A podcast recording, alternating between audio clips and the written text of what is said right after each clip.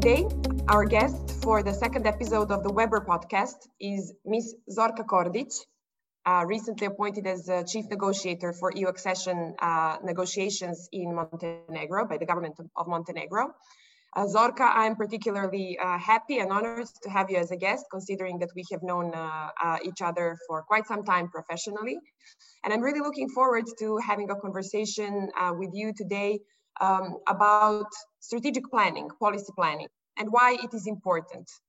Is it important for uh, the government? Is it important more for the citizens? And uh, why, to what extent is it important also for the EU accession process? So Zorka, welcome to the second WeBER podcast episode. Uh, good morning, Milena.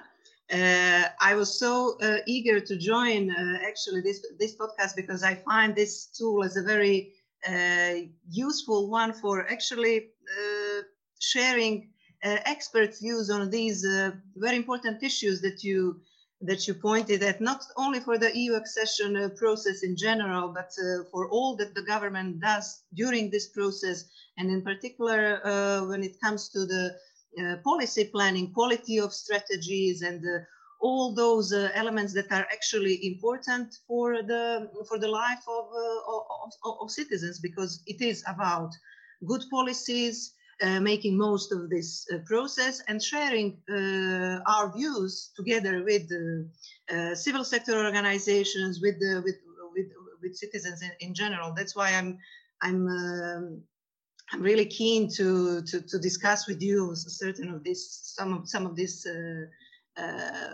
points.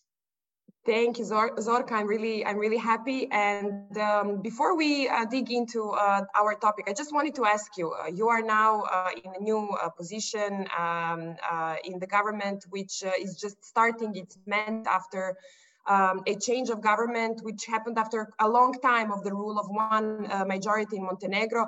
So I'm just curious, uh, what is the atmosphere right now? Uh, if you would, uh, if you would somehow describe it uh, on the scale between uh, enthusiasm and chaos, what prevails right now? I mean, I remember the times after the the re first regime change in Serbia when I started working in the government and there was a lot of mixture of chaos and enthusiasm, but those were also exciting times. How is it now in Montenegro?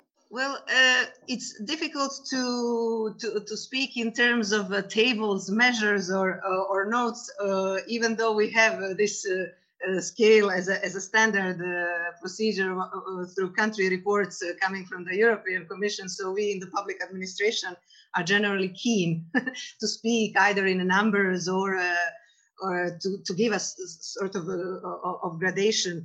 But uh, what I would really like to, to, to emphasize is that uh, the, the, re the, relationship towards the, the EU accession towards uh, Montenegro uh, has never uh, changed. It actually uh, is now based upon the, this new uh, energy coming from uh, from this particular uh, government setup uh, and the fact that uh, members of, of the government ministers are uh, are experts in their in in their field and that they actually think from the perspective of policy content of how to make most of sectoral policies also uh, in the framework of the, of the of the EU accession and also when it comes to uh, to the EU strategic uh, framework. So this is definitely um, a sort of a, a, refreshment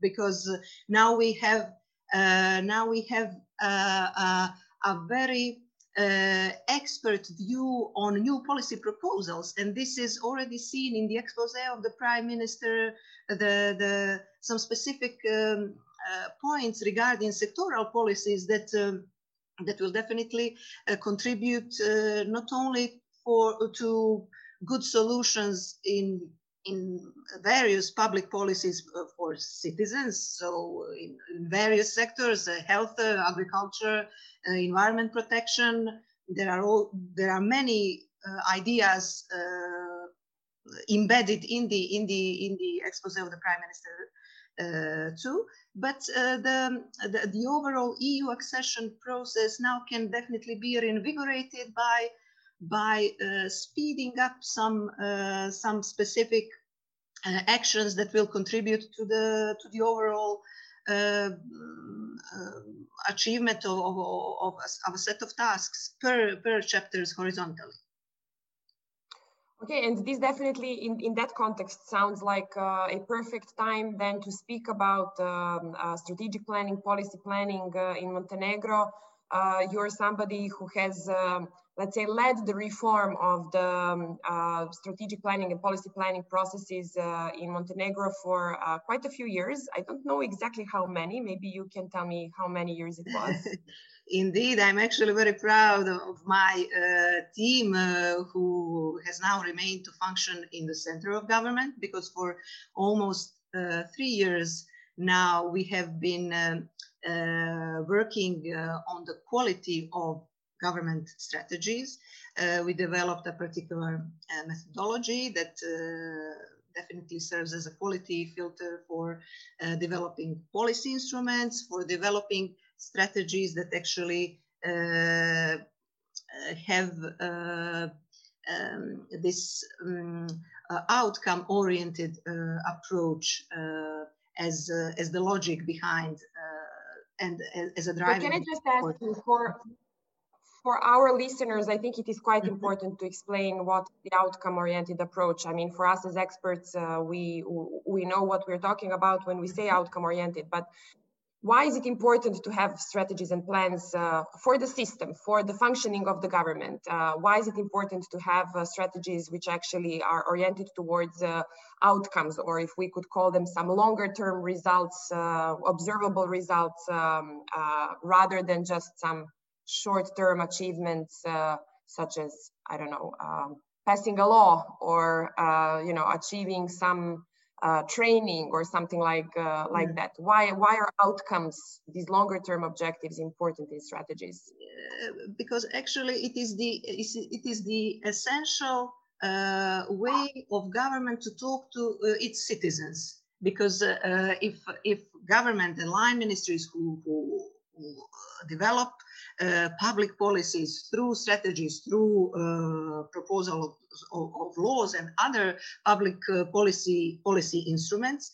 Uh, what they have to take into account is the benefit for for the for the citizen. So when developing a strategy in the in the sector of health or uh, in the sector of agriculture, what every government has to take into account is what is it that it actually bring uh, Uh, uh, to, to, to, to, the citizens. So this is this outcome uh, uh level that we are actually so so keen to to promote and to embed in our public administration culture that strategies are not some uh, papers or uh, political declarations that uh, have an overall general context and serve the purpose just of being nice documents, but uh, that the essence of uh, ev- everyday uh, life and the impact on, on, on everyday life is, ex- is actually embedded in those very documents that should represent the, the, um, the, the, vision of, of uh, government, the vision of, of the state, where we want uh, our country to be, where we want our society to be in three, four, 10 or 20 uh, years fr- from now. Of course, that EU accession process uh, I, is an important have... element there. Mm-hmm. I have a, I have a little sub question uh, there to ask you, but I just wanted to mention for our listeners here is if they hear some growling or uh, barking, that's my little dog, and I think this is you know uh, the reality of the COVID times uh, podcast, which we are now unfortunately recording uh, uh, through Zoom, and very often we are staying at home with our pets or sometimes children. So my apologies for some of the background noise which might be heard on the recording but I guess that in the new normal, nobody will uh, will really mind and care about those things. But Zorka, I wanted to uh, to just uh, ask you. So you mentioned that you know you have worked on trying to embed this outcome-oriented uh, um, uh, approach and making sure that the administration and the ministries, when they design, when they they propose their strategies uh, and other policy documents, that they really try to uh, anticipate and I guess also uh, ensure some sort of measurement of these impacts and uh, and outcomes for citizens. So what do we as citizens get uh, get out of uh, uh, the government's activity, government's actions in any certain policy area? So how how do you think that the administration is uh, coping with this uh, with this change of mindset i mean we all know i mean and i also worked as a civil servant for six years at the beginning of my career and we all know that sometimes you know i mean or maybe even as default we got we get lost in our in the details of our work. We get lost in what we want to achieve immediately in order to to fulfill our job. And it is some, sometimes very difficult to anticipate. And even I would say to promise these uh, longer term um, uh, results and uh, benefits for citizens. So how would you say that the Montenegrin administration is adapting to this uh, new challenge? And uh, what would you single out as the main uh, obstacles in, in making this progress? Because I think this might be important also as some sort of a lesson learned for colleagues from the region who might be listening to, to this podcast at some point. Uh, well, you you rightly uh, uh, said that it's a major change change in uh, uh, in the culture of, of, of administration because uh, this very notion that uh, that the government actually is and should be at the service of its citizens. This uh, is a, a slightly uh, different uh, context and and the backdrop against which we all now uh, work not for the sake of better EU integration or for the sake of specific chapters, but really to see how those policies that line ministries propose and embed in the strategies can actually be uh, be of, of, a, of a better quality and uh, how can they produce impact better impact on uh, on lives. And uh, uh, it is uh, very interesting what we what we found found out while sharing good practices in our network of civil servants for strategic planning, which which has been used as a as a as a, as a platform for uh, for exchange of experiences and challenges in policy design, uh, what um, line ministries uh, struggle with when planning uh, specific policy measures. We we actually discovered that that um, beside the fact that in in line ministries we have many experts in the field uh, with plenty of uh, of very good uh, and useful ideas of how certain uh, problems in the society can be can be solved. But the the major challenge always remains a budget, which is always a limited one for new policy proposals. So for real to, to have a, a, breakthrough in terms of of uh, of uh, uh those policies who who uh, that will uh, contribute to the to the to the to the, the, the development in, in, uh, in, certain areas. So uh, it, this remains always a first uh, challenge, how to, to think uh, of those policy proposals that, that might actually uh, work and be uh, implemented in two, three, or four years time. And then another major challenge is how to measure how to measure the, the success. So how to define a specific set of output of, of outcome or uh, impact level indicators and to be honest whether a, a, specific goal can actually be uh, realized in this limited uh, uh time frame so it's not about uh, you know, government promises or uh, or any line ministries promises but to know your policy well enough to have uh, enough uh, resources, human resources, material resources, finances to really achieve uh, a, specific goal in a, in, in a given time span. So these and are two, two major challenges. Mm -hmm. Thank Thank you. Uh, I, I, wanted to ask you in relation to that, um, do we still, uh, and I, I, know this to be a trait uh, of the whole region uh, of the Western Balkans, uh, that, you know, usually our strategies and plans are much more ambitious than what is actually feasible to do. We are somehow bombarded by requests from the EU accession process, uh, um, political, of course, political um, objectives in terms of you know improving the quality of lives of citizens in order to of course uh, stay in power, increase uh, voters' uh, support, etc. So there are many uh, requests coming uh, towards uh, the administration to overpromise in strategies and plans. I remember myself when I was working as this, the, the special advisor of the then deputy prime minister in charge of public administration reform here in Serbia, Kori Udovički, and I was in charge of uh, designing the action plan for the implementation of the strategy for public administration reform. I was sort of coordinating that whole process we ended up having an extremely, an extremely um, uh, ambitious uh, uh, action plan. Uh, because, you know, on the one hand, yes, there was enthusiasm, there was a wish, but then on the other hand, there was lack of uh, maybe realization what can be done in a certain period of time with the existing resources, not only financial ones, but also human resources. Indeed. So I wanted to ask you, uh, do you still observe that problem in Montenegro and, and how, how are the ministries and, uh, and the government institutions coping with this necessity to be more realistic in order not to overpromise and of course in that sense not to disillusion uh, the citizens when they do not manage to achieve all that they have promised?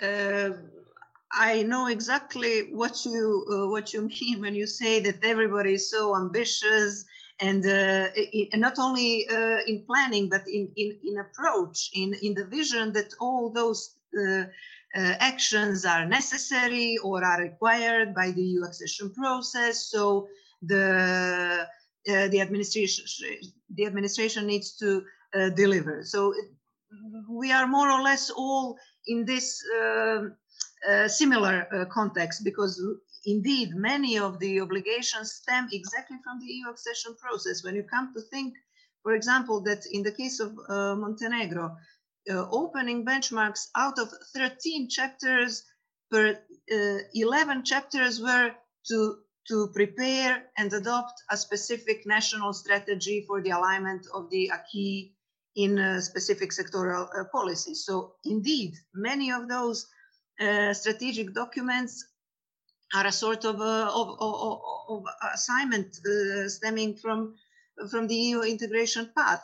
But uh, you uh, emphasized one very important point, and this is uh, human human resources, because uh, it is indeed the, the, the, never-ending the never-ending problem of the administrations in the region. Because, because yes, ideas are many, uh, budgeted time uh, can be a, a challenge, but but uh, the, the, the most important thing is actually to cherish those teams within ministries who can uh, uh, who can uh, gradually attain new skills, be better in what they do, and also have time enough to to to to to, to work on themselves to to to gain new skills and to really and to really deliver in line with the with the new trends, with the new um, uh, and updated uh, EU strategies, uh, EU targets. So it's an ever it's an evolving uh, uh, environment, uh, and we and we and we need to we need to deliver and we need to take care of of very specific things. You mentioned the public administration reform uh, strategy that you that you worked on. It's not a, a big political declaration uh, paper with uh, with some abstract elements. It's uh, something that uh, is very tangible for the life of everyday uh, everyday life of, of, of, citizens. It's one-stop shops for you know, citizens who who would like to um, to have an easier access to uh, whatever paperwork they need from the from various uh, line ministries. It's uh, uh the access to information, e-services. So very uh, tangible uh, elements that, that mean a lot in, in, in everyday life. Indeed. Uh, and uh, when, when we speak about uh, human resources, I would, I would assume that especially in a small uh, country such as Montenegro, you, losing one uh, experienced civil, service, civil servant uh, who knows how to implement strategic and policy planning is a loss of several years of investment. So I was wondering to what extent continuity is being ensured now after the, the change of, of the government in Montenegro. Uh, we know that, you know, sometimes in the region, uh, when the government changes, somehow, you know, half of the administration immediately changes and then you end up with a huge gap which you cannot uh, cover for months or sometimes even years. Uh, what is the trend you're observing now? I see that you're you're still there. Uh, your team with whom you worked in the general secretariat is still there. These seem to be positive, the positive trends. Uh, the the major, the key principle of uh, this government has been clear from the very beginning, and this is knowledge and expertise are to be cherished, promoted, and given a, a chance. So these are the expectations that, that, will apply across line ministries. It is true that some of the uh, some of the managerial positions uh, for the time being are uh, vacant in uh, in the line ministries, but in general, the the in particular when it comes to the to the EU accession process, it uh, it has so much been already uh, embedded in in the system, the, the, the practices, the knowledge, the the fact that uh, in uh, many uh, sectoral policies, uh, Montenegro needs to behave as a full-fledged uh, member state of the of the EU. There are pieces of legislation that that have been um, prepared and, and adopted in line with the evolvements of the of, of the acquis in in various areas, uh, environment, agriculture, transport policy. So uh, this is a, an ongoing process led by those people, by civil servants uh, and experts. So this needs to be preserved, uh, cherished, and uh, and uh, these people need to be also stimulated to to to, to keep working. One very particular uh, challenge uh, and a skill that we still need to develop behind uh, this set of strategic planning skills that we really in the last couple of years try to via various mechanisms and i mentioned networks of, of civil servants for strategic planning. Uh, another uh, very important uh, skill is is the skill of um, preparing uh, mature projects so that we can absorb more, more available EU, EU funds. And uh, the, the major topic ahead of us is how to combine policy design and policy making and those people who are involved in, in drafting strategies with programming uh, officers and those who are still seen as IPA people doing something on projects. So we have to really uh, uh, think of uh, combining the two because it's uh, it's uh, actually the policy design that needs to guide and steer the work of those who, who do the programming, the preparation of specific projects, so that we can be even more successful, more successful uh, when it comes to using EU, EU funds and you you have inspired me here to ask you um, uh, a slightly different but still related question, uh, which is important, I think, also uh, quite uh, quite a bit for us in the civil society and in the WeBER project because we are trying to apply uh, a similar approach. You mentioned the new IPA and increasing the capacity to prepare good projects, and we know from uh, the European Commission that the idea is that the new IPA will sort of be more competitive, that it will not contain country allocations, so specified pots of money for each of the countries in the Western Balkans, but that, that in fact it will be one big pot of money uh, where countries will in a way compete with good projects uh, to withdraw more or less uh, of that. In such a system, of course, those that are uh, uh, more skilled, that have a better capacity uh, and that are actually managing to do exactly what you said, to connect better their policy plans and strategies with the specific projects they're proposing will be more successful and will be able to withdraw more money and uh, have a greater impact and uh, benefit for their citizens in the end, because this is what EU projects are uh, supposed to be for, improving the quality of life uh, of all of us living in the region.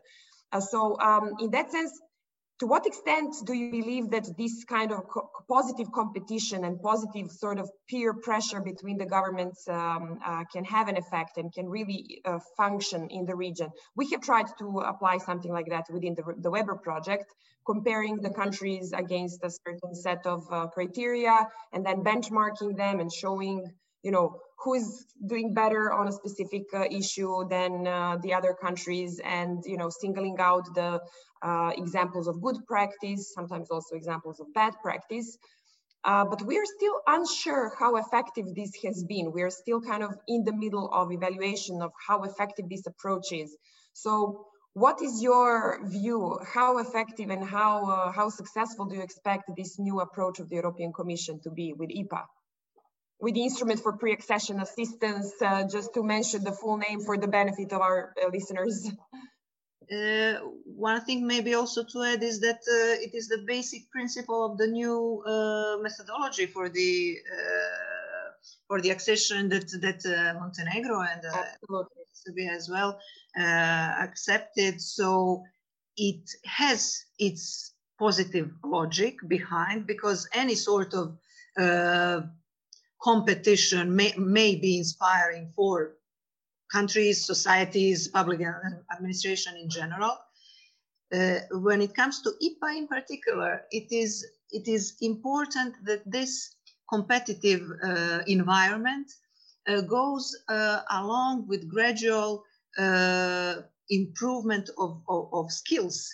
Uh, because of course we we can, we may be compared also by the, by the amounts of uh, uh, funds absorbed, uh, uh but the, the, the, the, the key uh, uh, principle behind this competitive um, approach should definitely be that, that gradually all the countries involved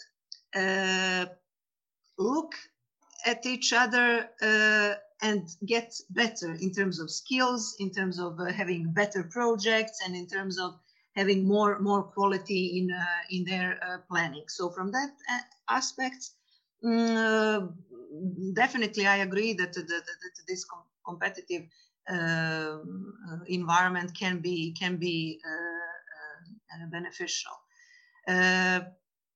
I, I uh, have found out now that you have this um, uh, within your within your um, uh, um, WeBER team. This this uh, this approach uh, that that is, I agree, a stimulant for uh, not only measuring specific su success, but really it, this sort of approach can can help us all uh, analyze better specific uh, elements of our of our uh, actions. So uh, it's not. I mean, this can also work uh, because we in the in the Balkans we maybe like also to boast when we are better in something or uh, or more successful. So this can have also a cultural value.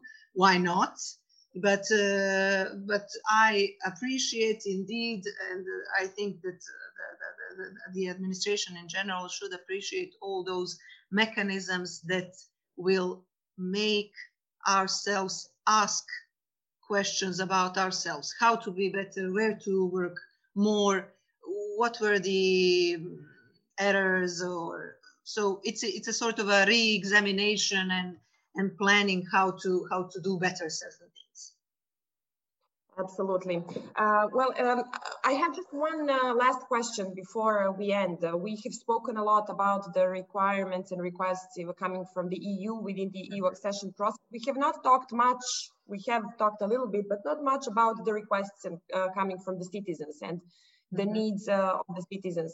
Um, one interesting finding uh, from our WeBER monitoring process is, for example, that the, that the civil society organizations in the region who we surveyed on a, on a large scale mm -hmm. um, have uh, a much better opinion on um, how, I mean, how different sectoral policies reflect EU requirements and EU priorities than how they respond to actually citizen requests and, and citizen requirements, especially when it comes to reporting to the public, uh, you know, keeping ministries and the government accountable for to the public uh, for uh, what they are doing. First of all, we asked we asked the organizations, do you believe that ministries actually do what they promise to do in their strategies? And then we asked, do you believe that ministries report regularly to mm -hmm. the mm-hmm. public on their strategy? Mm -hmm. And the findings were much, much, much more negative on those questions than on the questions related to the EU requirements. And this kind of goes uh, in line with some of the you know um, uh, papers and the researches which were done in the previous years um, uh, in the region but also uh, in the EU which are kind of showing that our governments are very often uh, appear to be more responsive mm -hmm. to what comes from Brussels than to what comes from their own populations.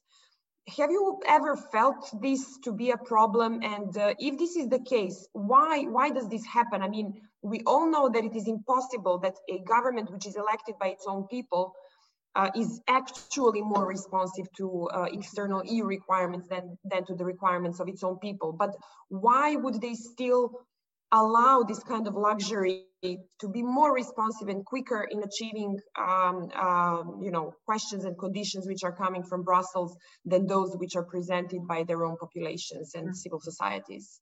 Mm -hmm.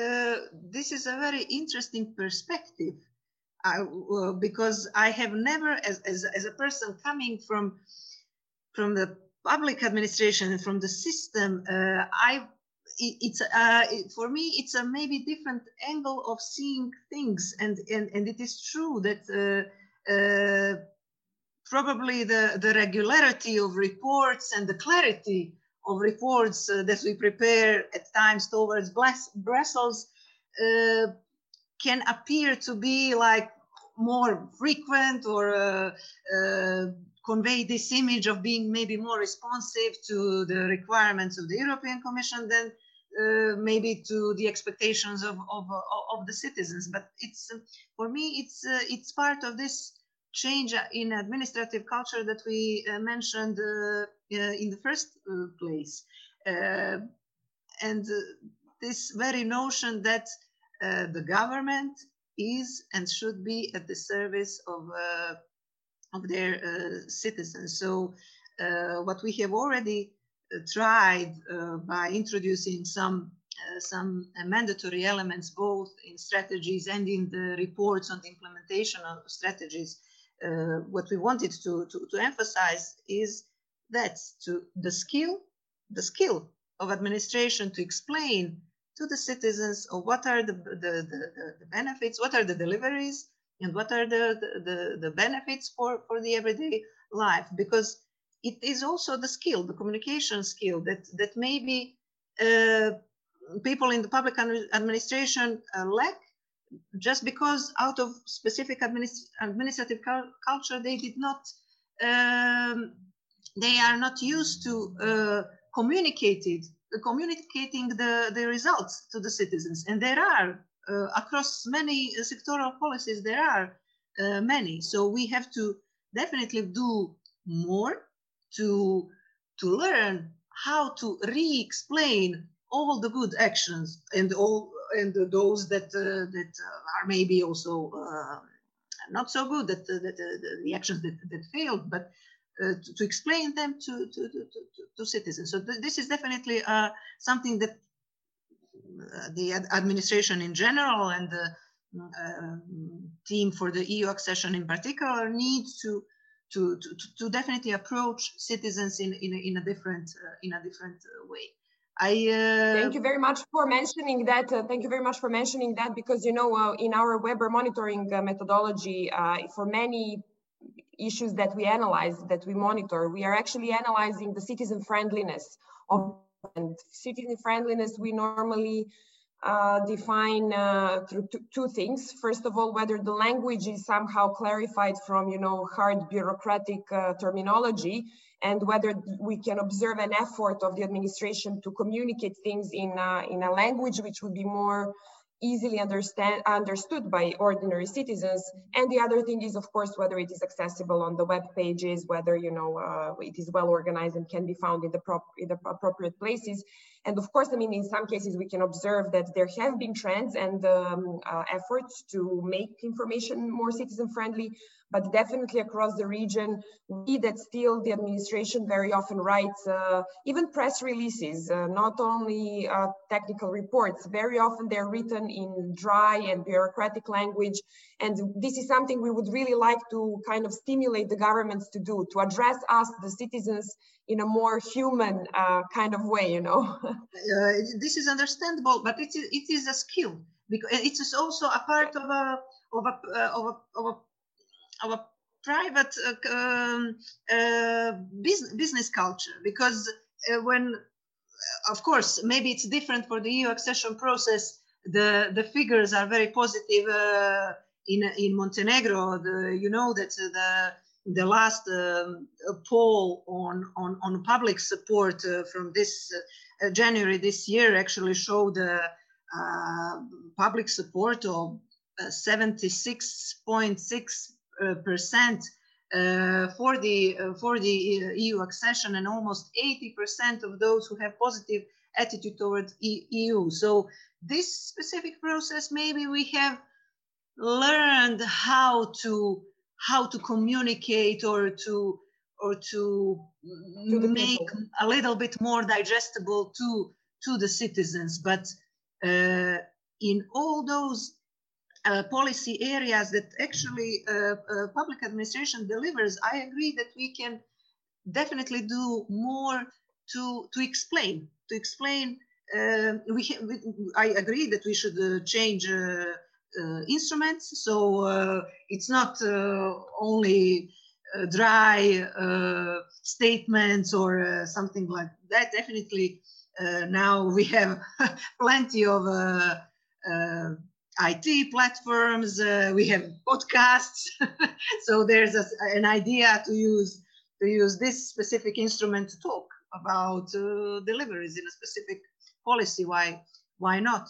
And then uh, well, one interesting thing that you said, how come we are so responsive to the to the to the commission? Maybe we we could approach uh, civil sector organizations to to define a uh, this sort of not shadow government, shadow commission platform, but something like some something that that might uh, incite us to to be more uh, specific or uh, or concrete uh, in in certain areas. Not a progress report, but uh, but with a simple language to to, to re-explain some some good and positive positive results. Which is which is a very which is a very good idea but it also i have to say it also uh, makes an additional uh, requirement an additional responsibility towards civil society organizations such as mine such as ours and think, think for europe network um, to actually make sure that when we communicate evidence and uh, proposals and recommendations uh, to the administrations to the governments that we can say that we speak on behalf of the people that we're not just giving our expert opinion, but that we actually speak with the voice of the people.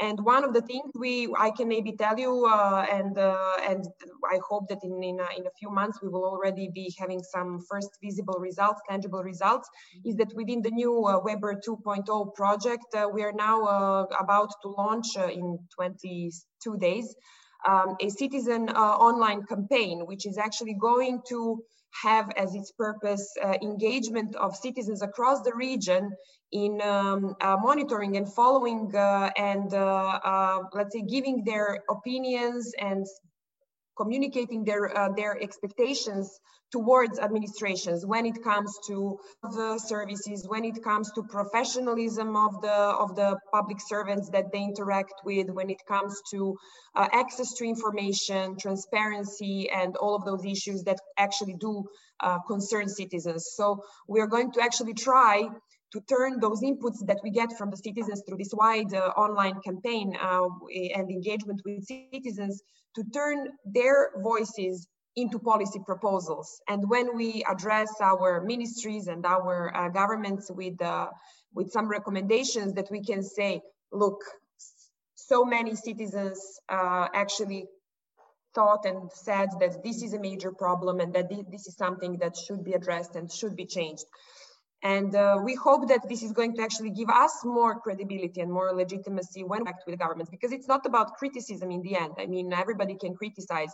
It's about actually having um, a foundation, a good foundation uh, for what you speak. And civil society needs to be this bridge between, in a, in a participatory, modern participatory democracy, it should be this additional bridge between the government and the citizens um, who very often get lost in uh, huge amounts of information. And we all know that, you know, elections are not enough um, when it comes to communicating needs of the citizens uh, to the governments uh, in the modern society.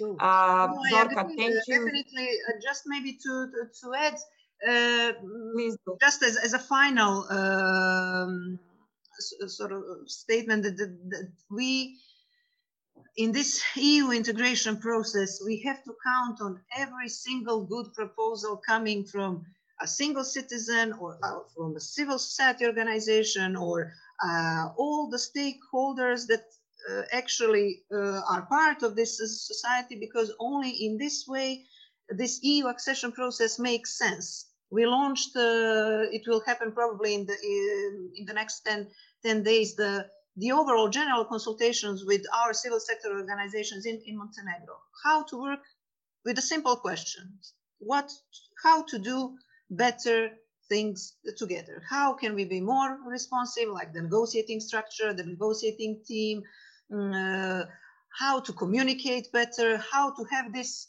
structured uh, inputs that you that you that you mentioned.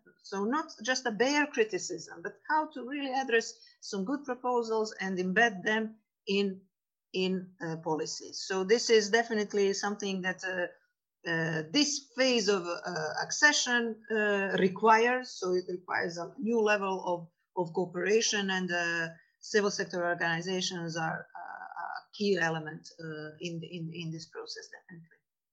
Thank you, Zorka, for sharing this with us. This uh, sounds like a beginning of a very uh, constructive relationship between the government and, and, civil society. And I hope that you know some uh, some other colleagues in the region will also take up uh, this uh, good practice. And I wish you all the luck uh, um, with these consultations, but also with with your future work.